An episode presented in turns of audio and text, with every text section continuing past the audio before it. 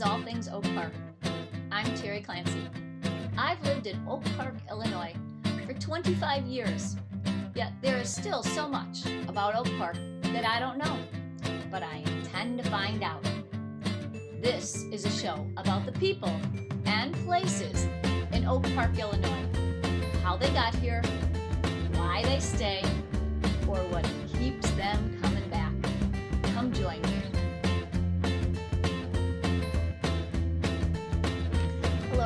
Thanks for tuning in. My guest this week is Lisa Parker. Lisa is a resident of Oak Park and a newswoman. She's a little bit of a, or a lot of a celebrity here in Oak Park because she is on the NBC5 news station in Chicago as a consumer investigative reporter.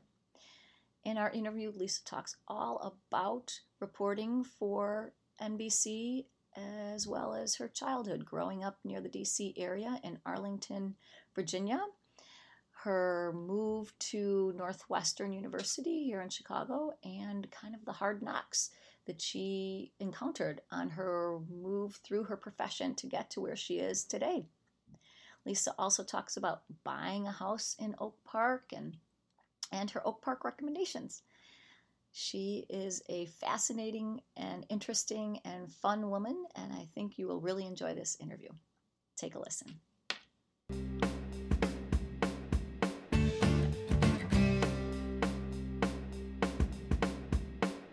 Okay. Fun, fun. So, welcome to the podcast, Lisa. Thank you, Teresa. Are you Terry or Teresa in this? I'm setting? Terry. Okay. Terry. I've always I've always known you as Terry. Good. Then it'll roll right off the tongue. um, so, as you know, we this is a podcast about Oak Parkers and Oak Park. So, I usually like to start my guests out with kind of their back history, even if they haven't lived in Oak Park throughout their entire life. So, perhaps start with there. And I really am interested in birth order, so don't leave that out. So Oh, kind of just start us perfect. through the like the young near young Lisa Parker narrative, maybe up until college or thereabouts. yeah, you betcha. Um, so I am not a DOOPer. I am petitioning to become a dear old Oak Parker, but I'm told that because I didn't go to high school here, I'm never going to be eligible to be a DOOPer. But I, I think I think that's an ev- that's an evolving question. Um, I grew up right outside DC in Arlington, Virginia. All right. um, which is was at the time, you know, in the 70s, really different community from Oak Park. It was not, um, it wasn't walkable. It doesn't have cool old housing stock.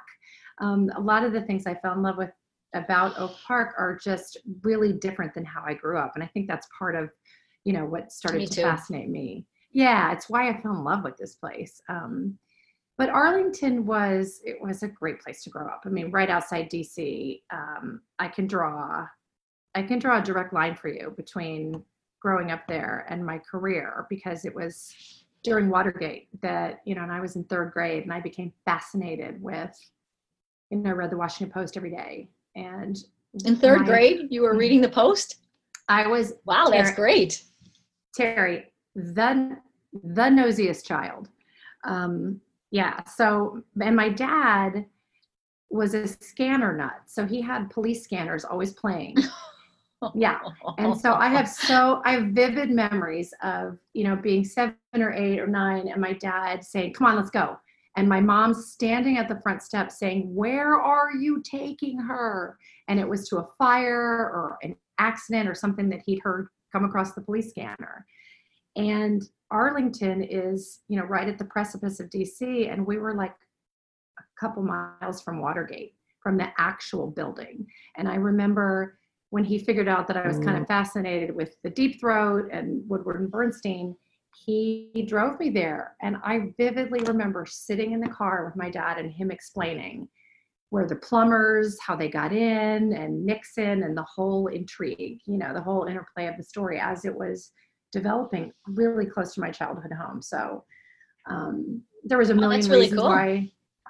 There's a million reasons why it was a great place to grow up. Um, but you know that's definitely a legacy something i have taken with me and i blame that for my nosiness and you know my job is i'm kind of paid to be nosy so Um, So I let's back up a- Couple. Sure. So your dad, what did he do for work? So my dad sold cars um, up until the economy crash during the right around the Carter presidency, um, and after that he drove a cab at pretty much at National Airport. He was back and forth between the airport and Arlington. Um, but when I was really young, he um, he sold Mercedes, and so we had you know he drove.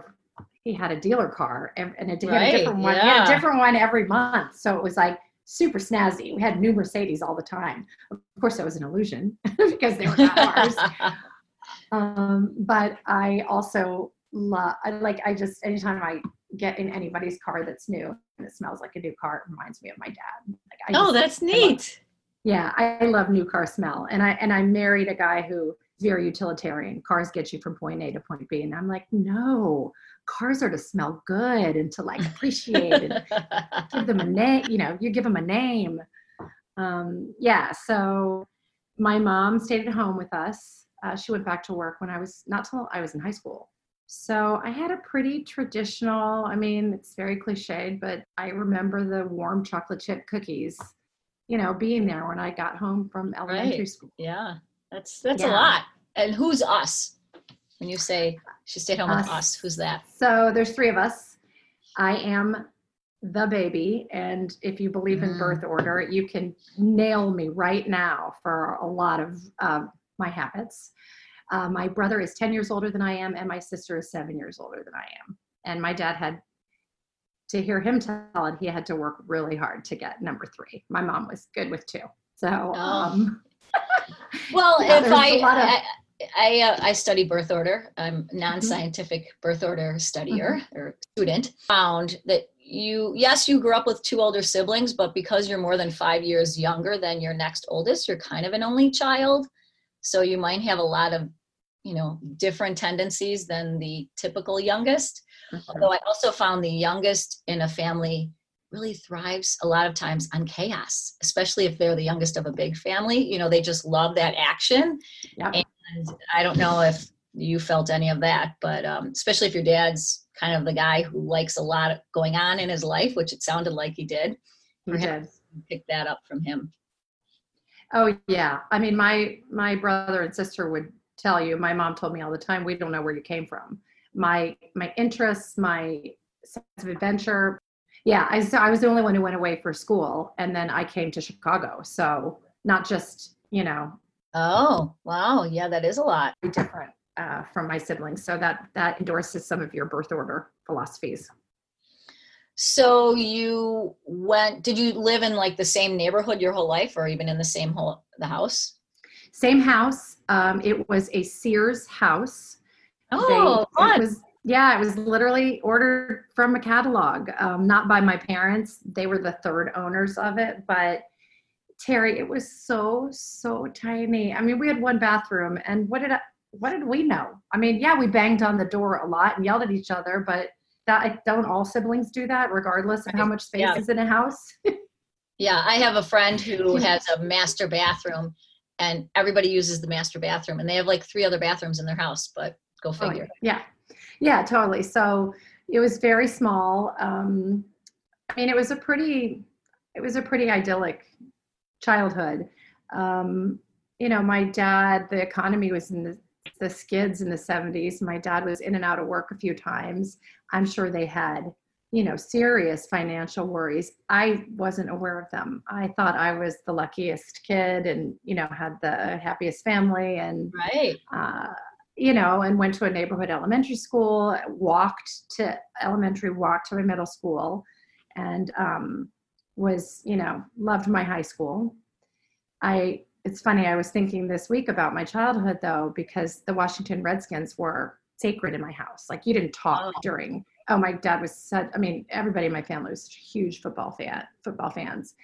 But so the Redskins were my team. My elementary was Stonewall Jackson. My high school was Washington Lee. All of those have been changed, thankfully. And you know, the Redskins right now, we don't know what they're going to Right, be called, but right. you know, it astounds me when I look back because I thought I grew up in this very, you know, um, right outside DC, sort of you know, an area where people had heightened consciousness. And I realize now I really was south of the Mason Dixon line.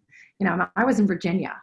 Right. Um, yeah. Yeah. And and so as with everything that's changing right now, I I think, wow, those were conversations that weren't even had in my childhood, you know. Yeah. So would you say your neighborhood was professional or working class?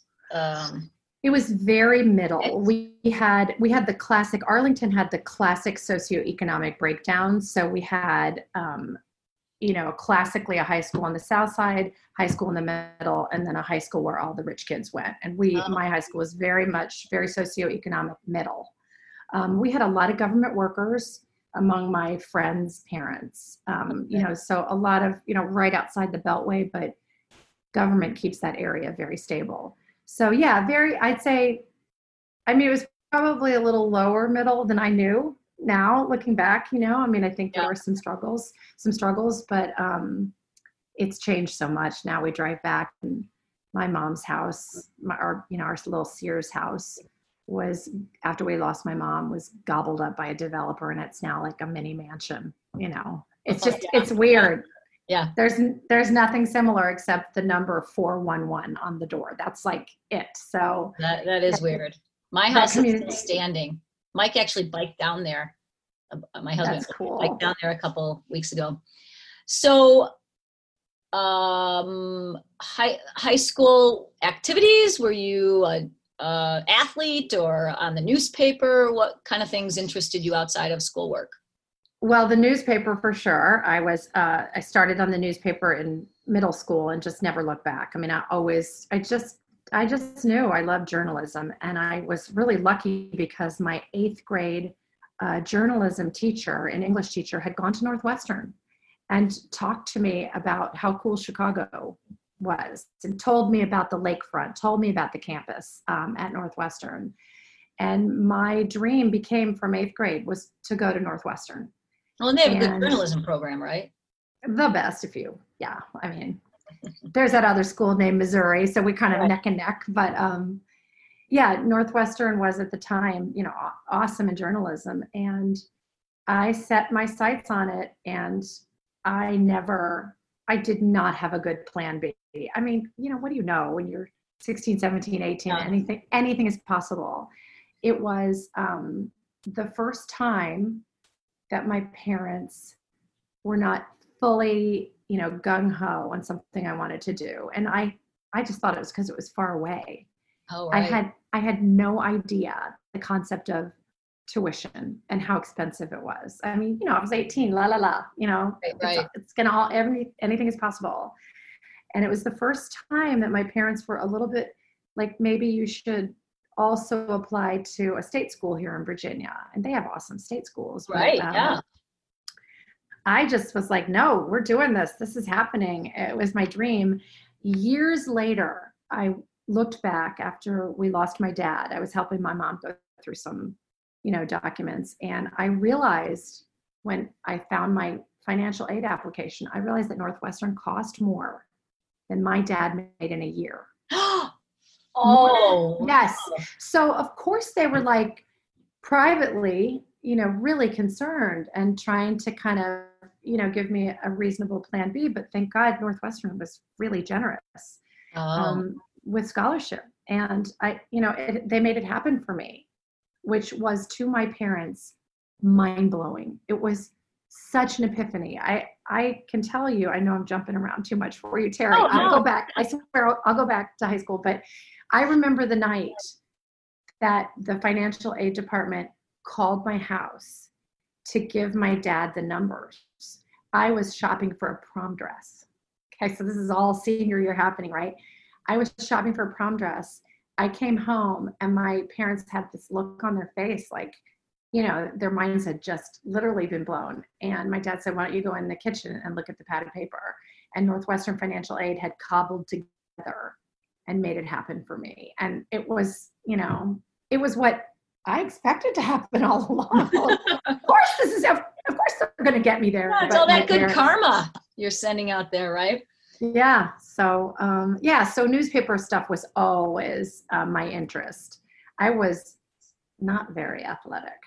Uh, I played softball. I played softball. I have, um, I loved playing softball. I love my teammates. I have vivid memories of if a game mattered, um, a pinch runner coming in for me. I'll just say, yeah, I was not, you know. maybe seven other college friends all in Europe at the same time.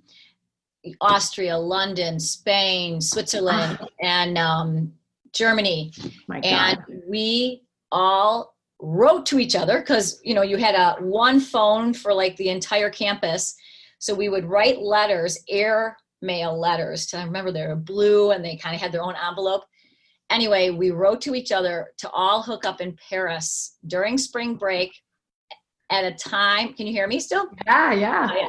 at like on a day at a time at a place and it worked like we all got there and hung out in this bar until everybody arrived and oh My no God. cell phones and Right. you know and, but it was really fun yeah Oh my God, you were ahead of your time. I mean, I don't, I don't remember people leaving campus, and now, you know, my daughter's friends, like if somebody didn't go abroad, they were asked, "Wait, what's wrong? Why aren't you going? Why aren't you yeah. doing a semester because you're pre med or whatever?" Um, right I always say they're the new and improved version of us. I mean, they're they Right. certainly are doing it. They're doing it right.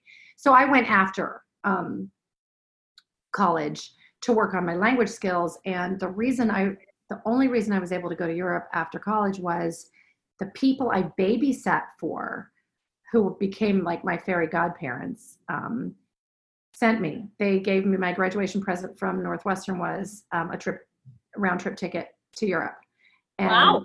yeah, and they were like, you know, I had kind of raised their girls. I had babysat their girls for six years um, and spent a lot of weekends with them. So they were like family. But I remember their card. They said, "You have to see the world before you write about it."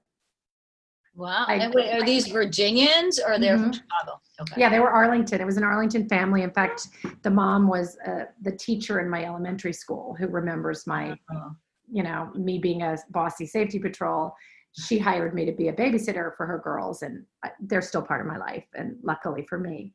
But they sent me to Europe, so I lived in Madrid. I did a little backpacking, but I lived in Madrid, and um, with a couple, with one of my friends from Northwestern, and that's how I got fluent in Spanish. I mean, I could pass any test, but I couldn't have a conversation to save my life, right and it was probably the scariest, one of the scariest things I've ever done.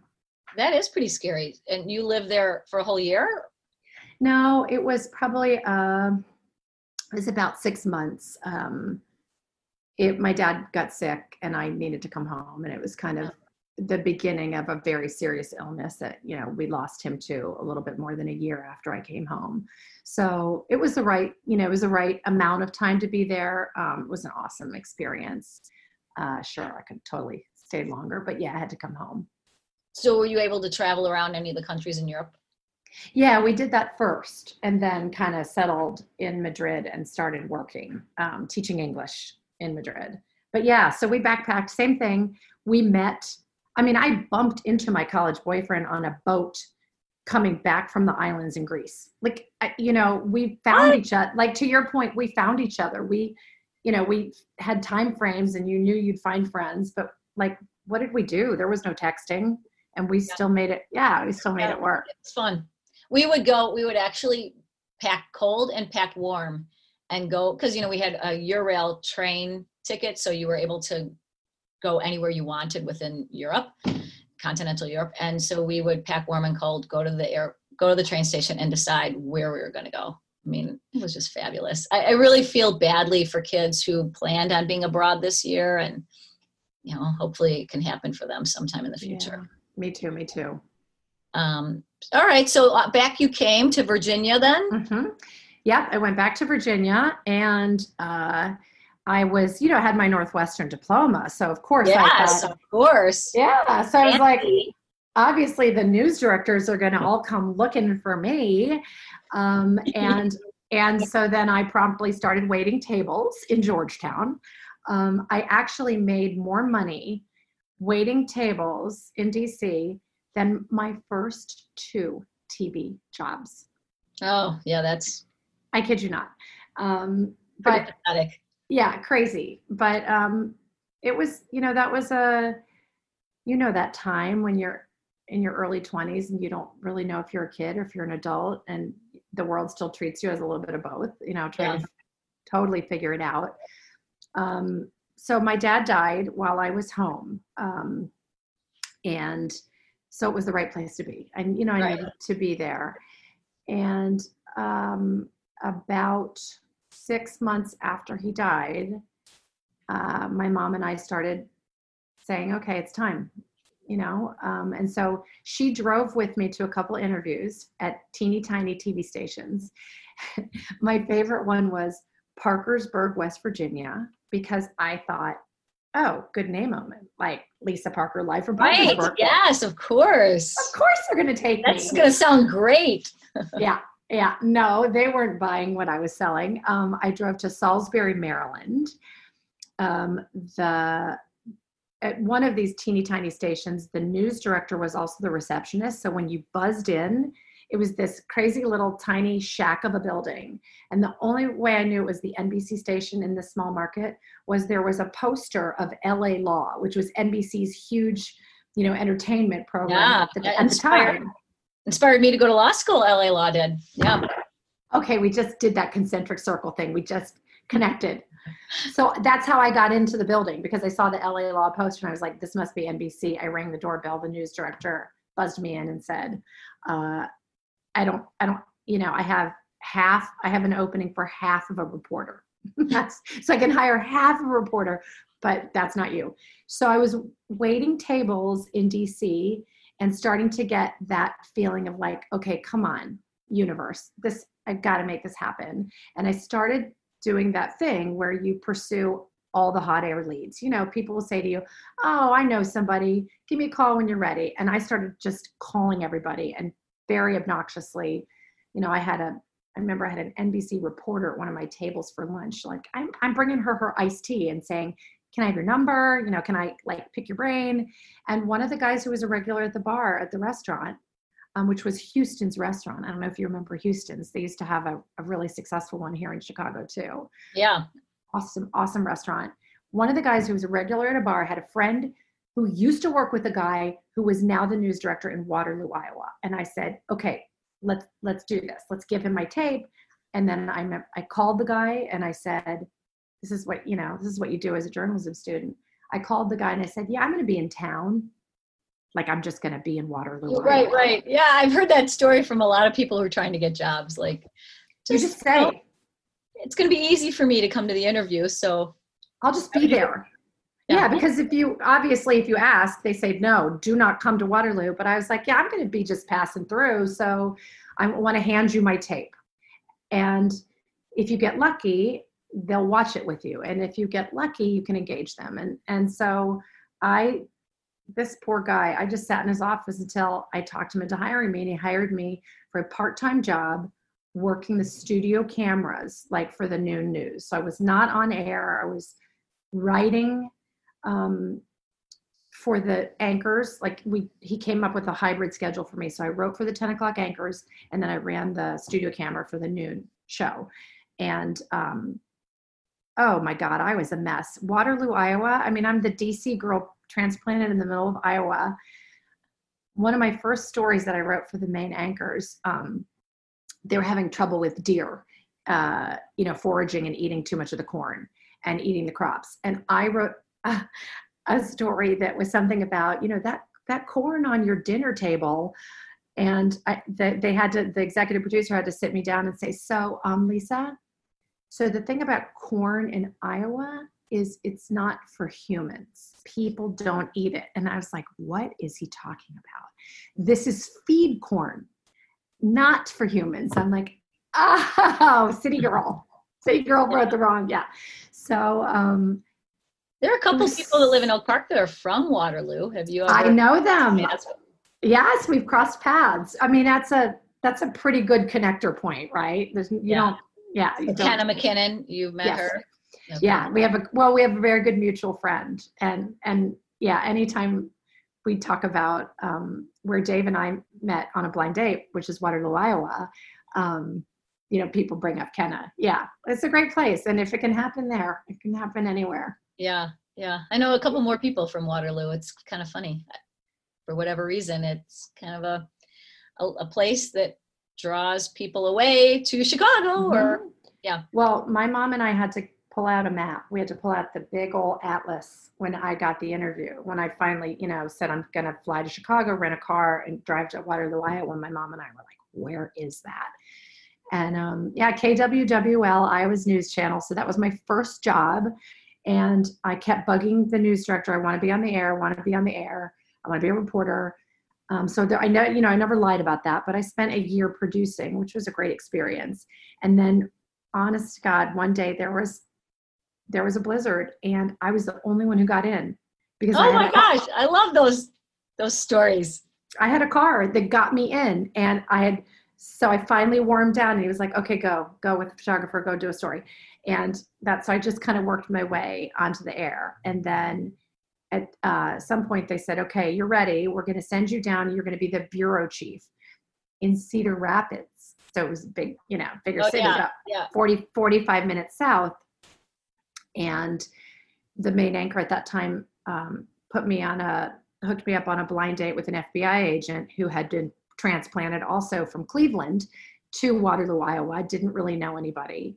Um, and that is my husband now. So Fun. And so you were in Iowa for how long then? So I was at KWWL for about two and a half years um, as the bureau chief, which sounds like such a glorified, you know, Yeah, bad, really fancy, really well paid job. yeah, really badass, right? It was me and my camera. That was it. I was a one person band. Um, and my territory was Iowa City, which was awesome because there was a university. you know i was able it was it's such a thriving town. It's so so different than waterloo you know. So that that it's it's a hyphenated market. So they've got really tall towers and great reception and they cover this huge swath of iowa out there. So i got to you know go down to iowa city occasionally and cover cedar rapids um, fell in love with iowa city and um, but shot my own stuff. So i shot my own live shots i shot my own video i would be out in the middle of the cornfields and like i'd have to set up a, a light pole to my exact height. I'd focus on it i'd hit record i'd run around i'd kick the light stand out of the way and i would stand like this and not move just to make sure that i like got myself on camera. Because back then those cameras didn't have preview monitors so i would literally go back to the bureau pop my tape in and find that i had cut my head off I'm oh, crazy. Or like I hadn't white balance. So I was, I looked like a smurf, like insane. I looked in at all times, I looked crazy. And Wait, so what years were these? so that was 1990. I went there in 1990 and I left there in 92. So blind date happened in 91. Right. So um, yeah, so I was a bureau chief that last year there. It was an amazing experience. And when I um, sent out my resume tapes to start looking for the next job, uh, a news director from Green Bay called me and he said, "So when I watched your tape, uh, you look like something the cat dragged in." And I'm like, "Where is this going?" And he Oh. said, he said, then I read your resume and I realized you are something the cat dragged in because you're shooting your own stuff, you're doing your own live shots, you're setting up your own stories. Um, let me bring you, let me bring you to interview you in Green Bay. We have photographers here, so you actually can just be a reporter. You don't have to also be a photographer. And um, I remember thinking, I'm not going to Packer land, but I'll take the interview. You know, it was just, a, I thought it was a good experience to interview and I fell in love with it and took the job. And it was Oh. a great decision. Um, such a great town. I did, I know this is a lot to say in Chicago, but I did fall in love with the Green Bay Packers. Yeah. Well, I know one person who is a huge Packer fan. You can't live- No, Tom Cavanaugh, but he is a huge Packer fan. Well, and you can't live in Green Bay and not fall in love with them because the. I mean, the town owns the football team. So even when they lose, people are not pissed off. Versus growing up a Redskin fan, where, I mean, talk about fair weathered fans. Like, you know, if this team sucked, that's all you talked about was how much the team sucked. Green Bay, they never did that. Yeah. Um, and such nice, nice people. So I, I had a great experience there for a year. And did your your pal that you met in No. Iowa with you? No, the um the FBI had frozen all transfers at that point. So he stayed, he was an FBI agent. He stayed in Iowa. We did long distance. We fell in love with Madison, Wisconsin, because that was our halfway point. Um, but yeah, so we did long distance. But you know, when you're young and you have all that energy, like you can do that stuff. Now I think about how Yeah. exhausting was that. But um, yeah, so he stayed at his job and then for a year. Um, and I could have stayed in Green Bay longer, except he couldn't. He couldn't find a job up there. He was ready to start practicing law, and so he couldn't find a job. And then um, so where did he go to law school? uh, he went to Texas to law school Okay. yeah so uh, he was looking we were going to stay in green bay and then i got a call from norfolk virginia which was three hours from my mom.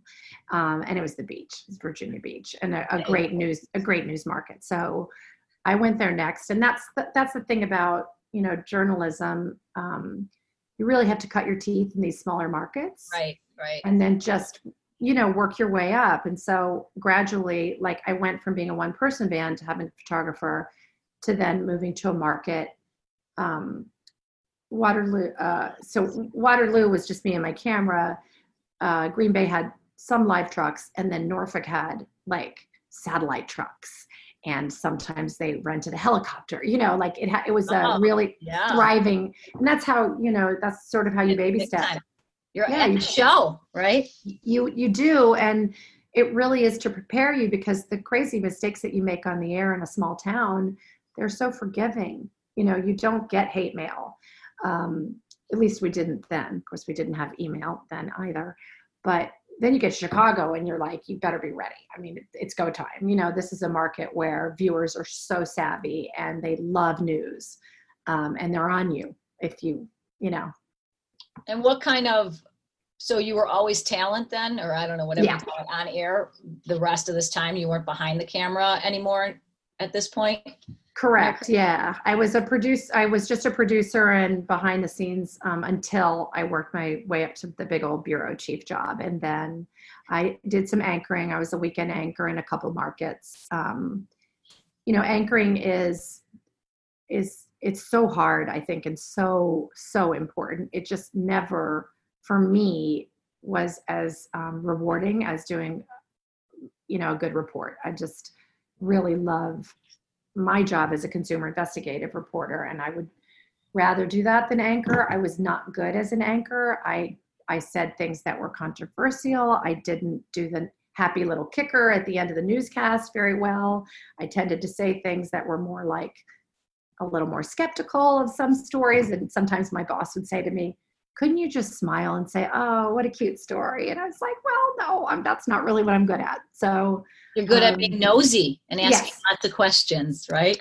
that is what definitely um yeah i find much more rewarding. So i did some weekend anchoring um here in chicago and i you know you, you love the weekend crew. You love i love the job and people i work with. It's just i found that i wasn't very good uh at So how long were you in Virginia before did you come directly from Virginia to Chicago? Yeah. So I was in Virginia for two years. Um, and again, loved it, would have stayed longer. But my boss, the general manager of that station uh, in Norfolk, came to WMAQ here. Oh, And um, so he brought me with him essentially. He, he was here a little bit, but then pulled me up. And um, he, uh, start we started the consumer there was no consumer investigative unit here so he brought me here to do that. And that's the kind of reporting i i started i was general assignment in uh, my first job in iowa.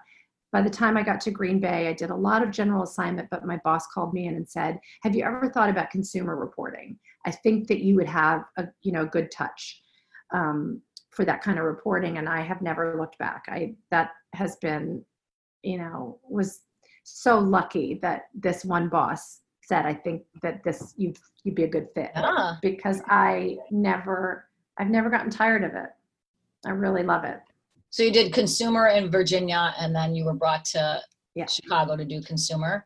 exactly Throughout this whole time, did you have like a, a top of the heap idea in mind? Was Chicago it, or were you wanting to go into a national news station? You know, what what were you thinking about along the way there? Um, you know, I think having kids changed my notion of you know portability and um, okay. right yeah and tra- and and travel ability uh, definitely chicago was my dream market and i did have to promise my husband he would not have to take the bar in another state so he did he did that he took three bars. And i was like okay this is the last time that we will move. Next time you know it's your turn. Um, but but certainly that was not a concession for me because chicago was my dream place to get back to. And from a newsy perspective i don't i mean there is no town like chicago in terms of viewers who really have an appetite for serious news. Um, dc is kind of similar you know when you when you look at the breakdown of major markets, um,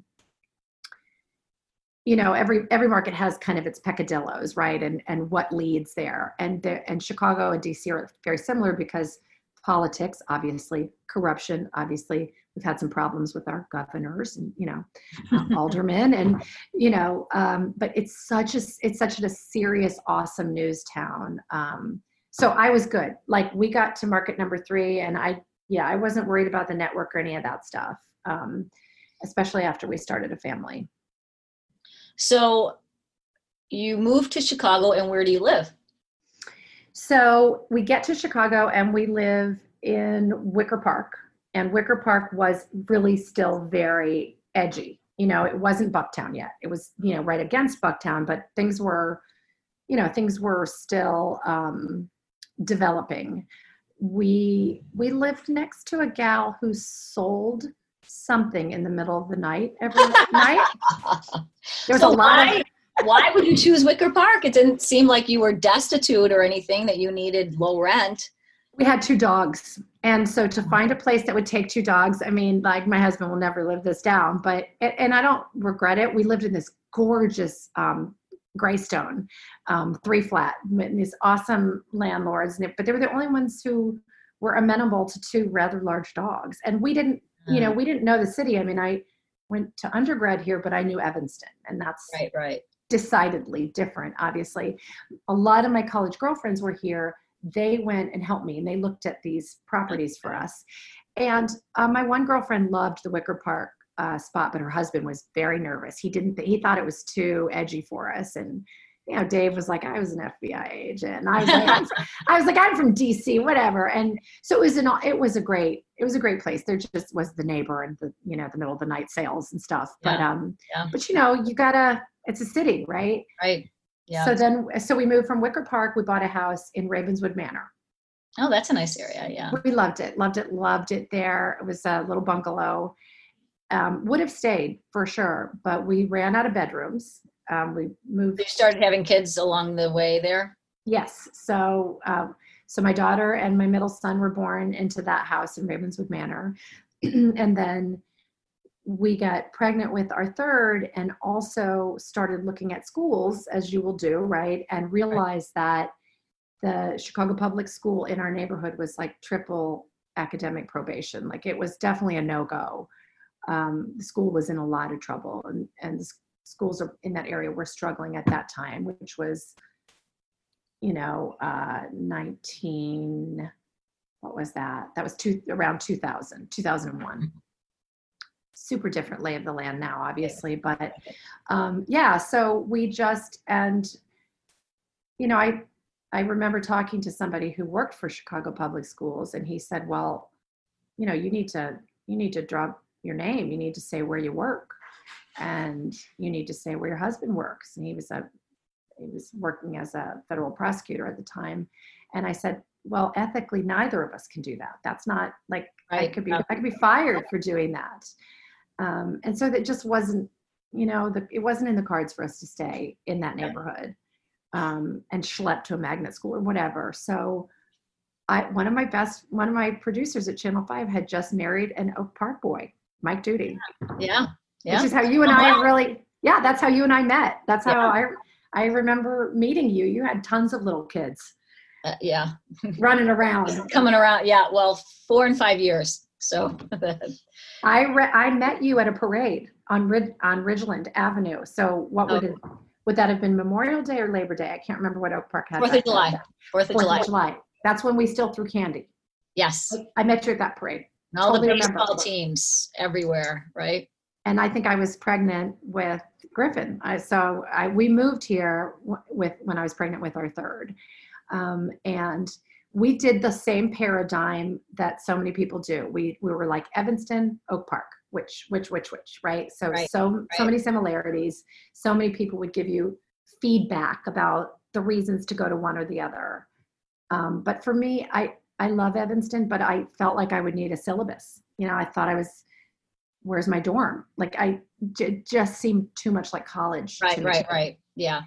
And my done friend, totally, totally. And my friend had just moved here, who married the dear old Oak Parker, and we came to visit them. And I mean, I remember when she called me and said, "I moved to uh, we're moved, I moved to Oak Park, um, got a new house. Here's my new phone number."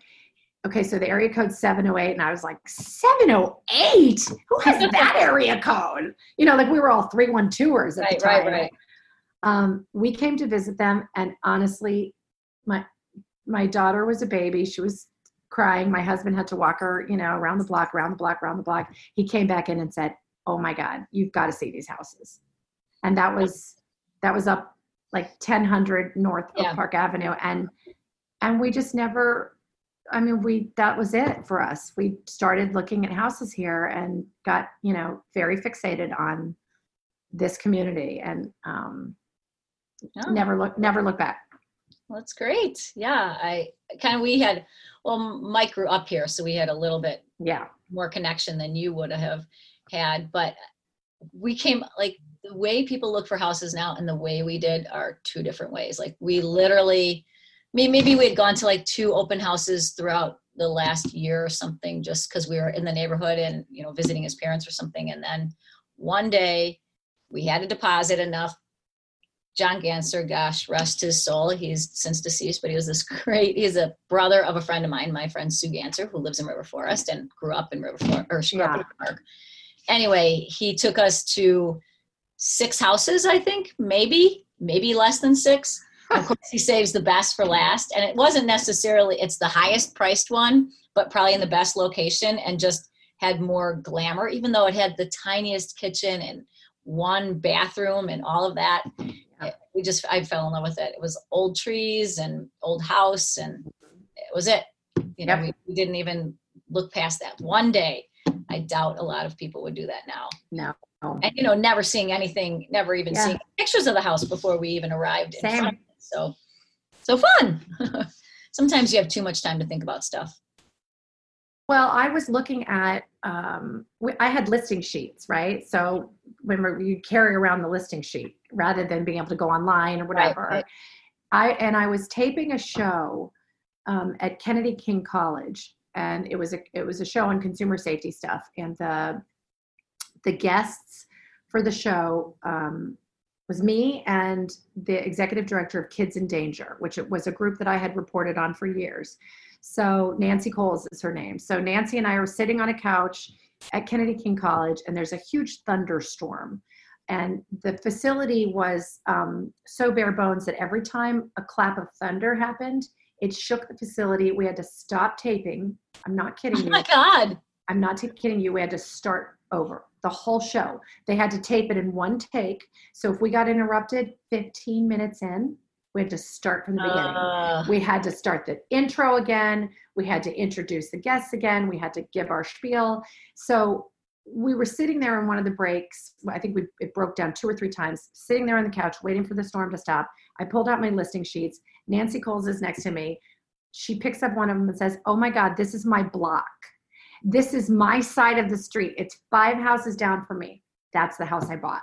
oh my God. And Does she still live on your block? she just moved she just sold like we you know raised our kids and i mean a lot of my coworkers were like are you her stalker i mean you interview her a lot now you bought a house on her block like is she you know is she worried about you um i felt like i can't believe how lucky we were. It was right after 9-11 and you know housing prices were Right. housing market was a mess and um, we would not have been able to afford this house but it kept dropping in price because every you know so we kind of you live and die by that same sword right? So we were selling in ravenswood manor and buying here but um, i knew i i knew nancy loved holmes elementary. That's you know she was my she was my touch point. And she talked about how awesome holmes was. And so we decided we wanted to be in the holmes district and um, and then ended up buying that house on her block. And just couldn't believe how much I loved all of the values of this like Norman Rockwell sort of community. Like I couldn't believe how pleased I was at the idea of my kids walking to the corner and getting on a school bus. You know what I mean? That seems yeah. so old. It seems so right. old fashioned and it ended up being like the most heartwarming thing about, you know, where we chose to live is the accessibility of this community and you know how easy it is for your kids to get places so just backtrack because we'll get to your oak park recommendations right at the end but just to backtrack a little bit about your career so would you have any advice for somebody trying to get into journalism or broadcasting or maybe even just right out of college like looking for a job what would you tell them to do well, so I have college interns. Um, it's really how I survive in my job because, um, you know, what I what I do as the consumer investigative reporter for NBC5 is I listen to the consumer problems of our viewers, and they they contact us, they find us, and they tell us all of their experiences. So, in a normal, you know, non COVID nineteen world, it's everything from contractors to cars to appliances to product defects to product liability. Um, it, it's the whole range of your life as a consumer. So there's no way I would get through it if I didn't have, you know, researchers and college interns. So I talk to college interns. I, I have, you know, since I started here 22 years ago, have always had sort of my, you know, a lifeline to college kids. Um, thank goodness. It's it's the, one of the best parts of my job is being an internship supervisor. So I have this conversation a lot. Um, in fact, I have former interns who have jobs at the network who are someday going to be my boss. You know, you always, right? You always say like, um, you hire these really smart right, kids, right? right? Um, and it's always good to hire somebody smarter than yourself. A hundred percent, a hundred percent, until they steal your job. But um, so I, you know, I always tell my interns, you really are the sum of your experiences. There is no job, I think, that is, you know, um, beneath what you want to do. It's a there are stepping stones, and in this business, you know, you have a lot of like you really have to have a lot of experience. Just having been a photographer, having shot my own video, gave me street cred when I finally was lucky enough to work with a full time photographer, I knew what her job or his job entailed. And that I bridged that gap. Do you know what I mean? Yeah. Um, having been a producer, having been on, you know, had to back time a show, a half an hour newscast, and get off just in time for Wheel of Fortune or Saturday Night Live. Like I knew what producers had done. So it made my relationship with my show producers stronger. So I always tell my interns, you know, you are the sum of your experiences. Don't think that there's a market that's too small or um, a job that isn't your end game that you shouldn't take because it really will enhance your credibility and just make you smarter and better at your next job. Right. Yeah, I totally agree with that. I, and I think it, it's so advantageous, you know, if somebody isn't isn't there for whatever reason that you can get in there and at least, you know, do some triage knowing exactly what they do and needs to get Absolutely. done, right? Absolutely. It makes you more empathic, it makes you more intuitive, um, and a much better collaborator. Now, the business has changed so, so, so much since I was a one person band. We now hire people who are who do shoot their own video. Uh, the the lingo has changed. They're now called MM multimedia journalists, but that basically means that they they operate the camera and they write their story. Um, that used to be disallowed by our union. And you know one of the negotiating and bargaining points over the years has been to allow journalists to start shooting their own video. It's it's it's a very narrow and constrained area here in chicago that they're allowed to do that but it, it you know there are inroads and there are people who have started being able to do that. It's very difficult i mean well, especially in, because technology's changed so much, right? You, you probably once were preserving jobs of certain Mhm. occupations. And now they don't really need to be preserved because they don't really exist in the first place anymore. Right, right. Tech, technology, you know, has really changed. You know, they call it efficiencies, but not that long ago, we went from 11 technical people on a half an hour newscast to three. Like we have robotic cameras in the studio now. Um, and there used to be like our friends used to be Yeah. operating them, you know? So yeah, we have seen, I have seen the business change very much, um, you know, for the better from an employer's perspective because we can spend our money elsewhere. But um, it, there's less uh, adaptability in a newscast now because humans aren't there making the call, you know, Mm. making the shots. So we've had to adapt, uh, you know, quite a bit. Um, I'm just lucky that I've been able to do it at a station like Channel 5 because we I have had a lot of the same colleagues for the 22 years that I've been there. And you know, it's very weird and humbling. It's very weird and humbling to look at the seniority list and see yourself ever edging toward the top. You know, like I want to look up and, you know, and find the people that I trust. I don't want to think, oh, wait, that's me. You know, Right, right. Yeah. you want the colleagues that, yeah. Yeah, you always know everybody who's ahead, and you you know somehow you don't know the kids in the grade behind. you. Right. exactly. It's unfortunate, but that's nature. It is universal. You're so right. Okay, so we are getting down to the end. I don't want to use too much of your, more of your time. So, what are your Oak Park recommendations? Either you know, long-standing traditions that you think maybe people don't know about, or somebody who just travels to Oak Park Yeah. for the day, or yeah, no, I, I love your, I love the question. Um, and I think you said gems, right? Not necessarily hidden, but maybe hidden. So, so obviously I'm not going to say the home and studio tour Right. because everybody finds that, right? Awesome.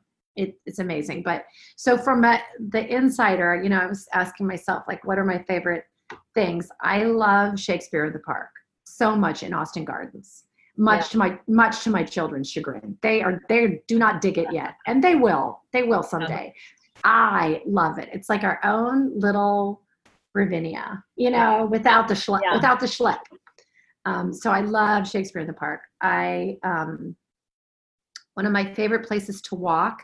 And during the pandemic, working from home and having two dogs here, I've just been walking so much more since my, you know, my gym is closed or whatever.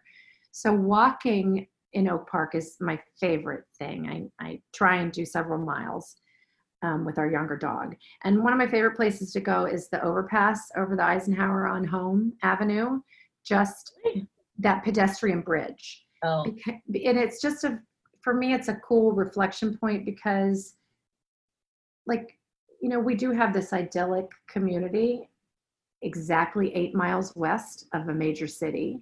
And it does feel a little bit like a bubble to me here, you know, Yeah. for, for lots of reasons.